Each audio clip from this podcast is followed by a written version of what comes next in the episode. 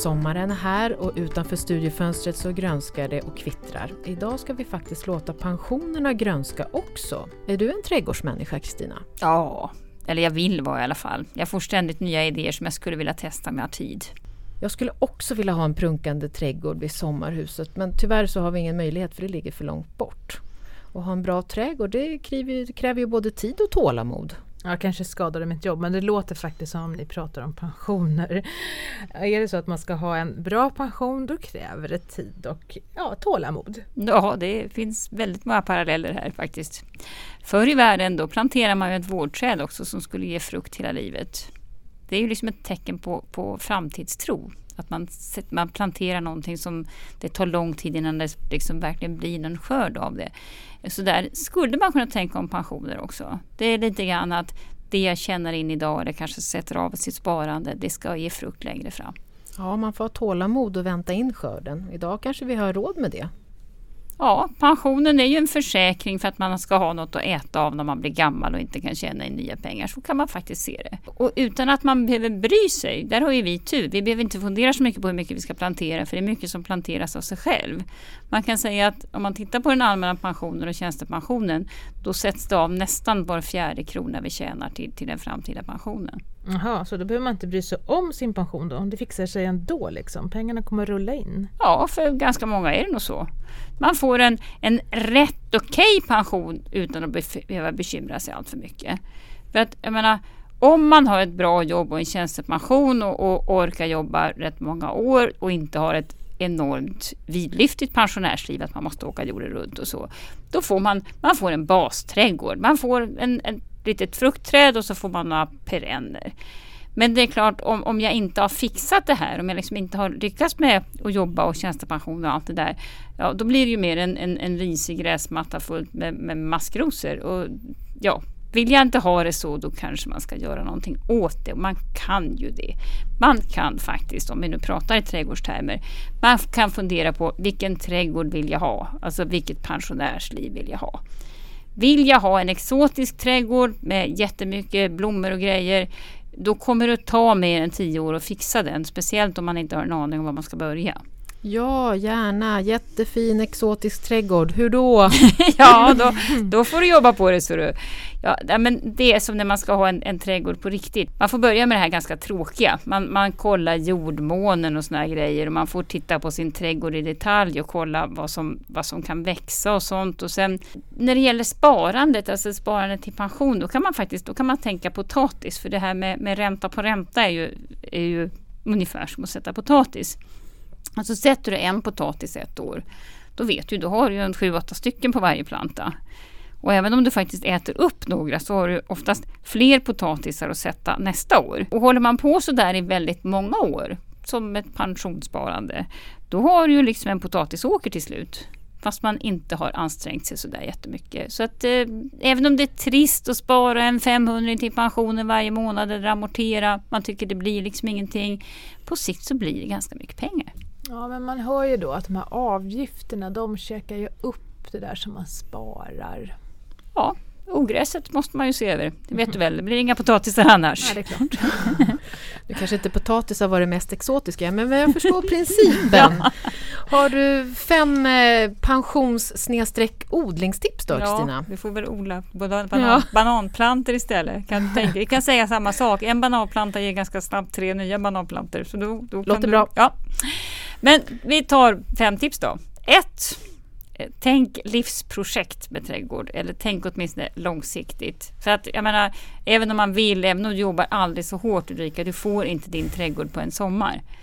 Det kräver både planering och omsorg, faktiskt både och. Du ska kunna lite grann, du ska veta om det funkar med bananer eller inte i din trädgård. Mm. Och det är samma sak med pensionen. Orkar man fixa lite, tycker att det är lite kul och ganska tidigt i livet, då, då kan du ha ganska bra möjligheter att få en pension som du vill ha.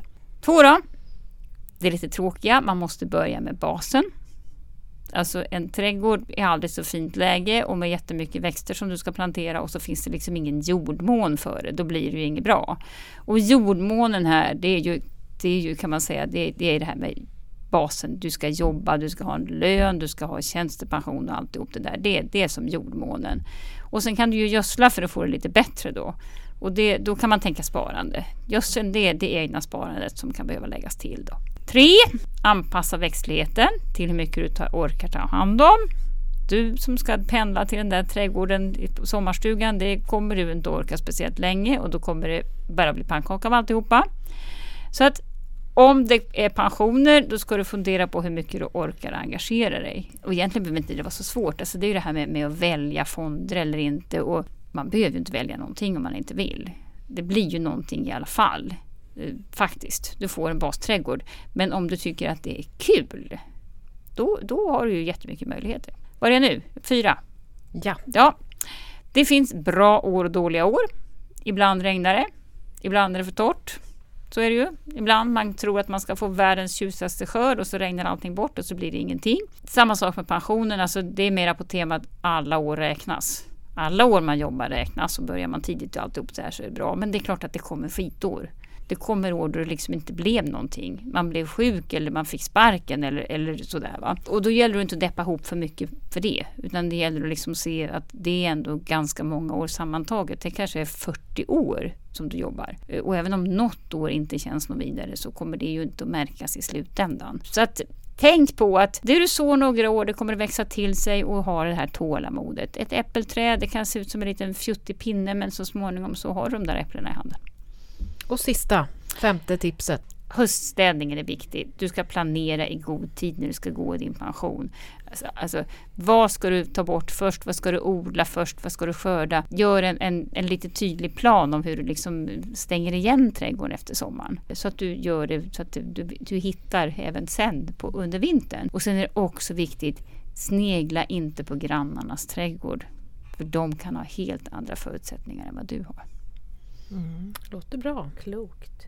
Om du tycker att det här med odling och pension låter spännande så har vi faktiskt gjort en digital bok som du hittar på minpension.se odla din pension. Och där kan du träffa ja, egenföretagare som tänker lite grann på sin pension och odling och få lite odlingstips lite, tre stycken recept har vi väl också Kristina? Det har vi också. Ja, ja men då, alla de här är, är, har bra tips kring trädgård och om pension och också. odling, precis. Så vi, det är en spännande kombo. Läs den! Det är något att ta med sig på paddan i, i hängmattan.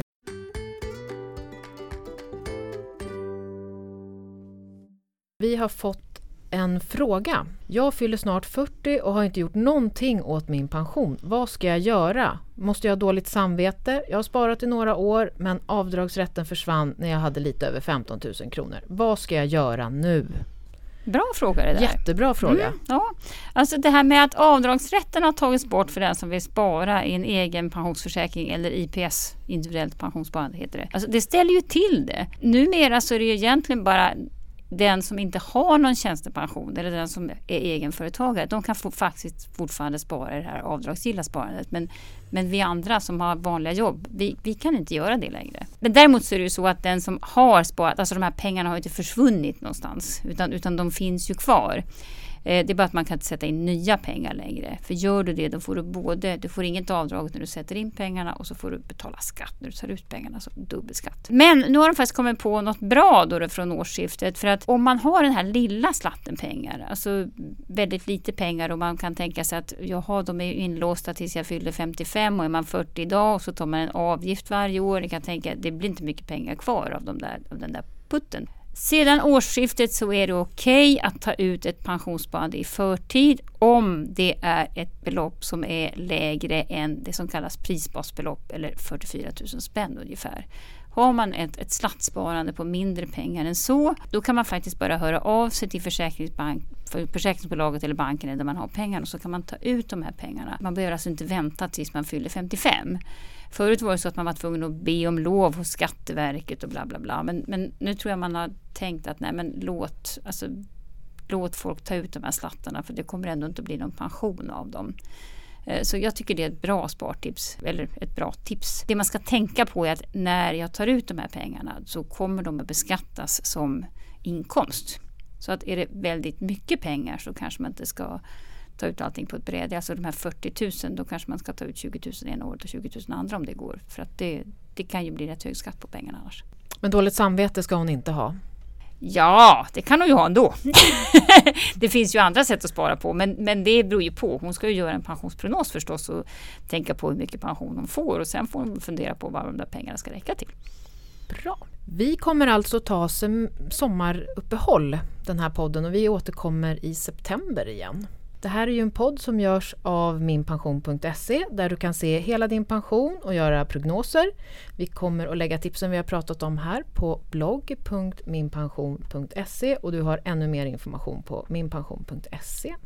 Vi som har pratat idag heter Ulrika Loeb, Kristina Kamp och Maria Eklund.